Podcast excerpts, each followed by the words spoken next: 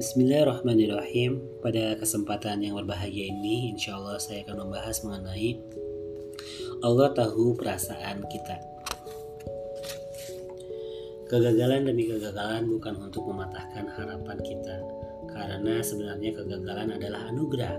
Hanya kita saja yang terlalu menghakiminya, sampai kita merasa bahwa kata gagal tak layak ada di dalam kamus kehidupan dunia.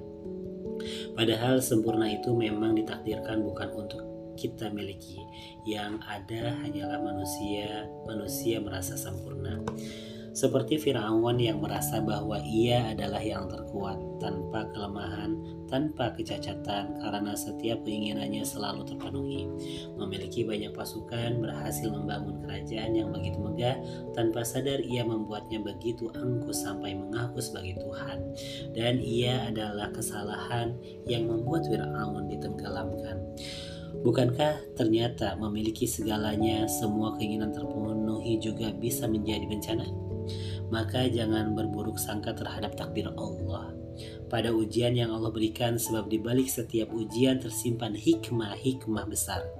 Bila kita belum mampu memahami hikmah tersebut, itu karena keterbatasan ilmu yang kita miliki. Tidak perlu terlalu cepat berkomentar buruk ketika Allah menetapkan satu takdir yang mungkin kita kita senangi.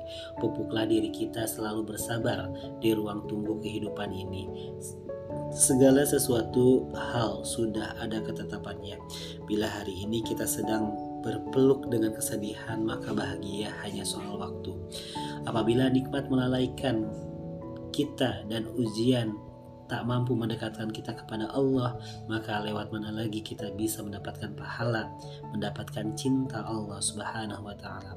Allah tahu perasaan kita, Allah tahu kesedihan mendalam yang kita rasakan dan Allah Maha tahu apa obat terbaik dari semua ini. Lalu pada siapa lagi kita mau meletakkan kepercayaan kita bila bukan kepada Allah? Adakah yang lebih menyayangi kita daripada Allah? Adakah yang lebih mengerti kita daripada Allah? Adakah? Remember, this takdir Allah itu selalu yang terbaik. Bila terasa belum baik, berarti takdirnya belum selesai. Sabar, sabar, kuatkan kesabaran. Kadang kita memang perlu menangis, bukan untuk menumpahkan kesedihan, tapi agar hati bisa memandang segala sesuatu dengan lebih jernih. Ada beberapa hal yang memang harus kita terima dengan lapang dada, bukan karena tak bukan karena kita tak mau berusaha atau sudah menyerah. Hanya saja kita percaya bahwa syukur yang luas adalah pangkal pelepas kesesakan di dada. Bukankah yang terbaik pilihan Allah? Allah a'lam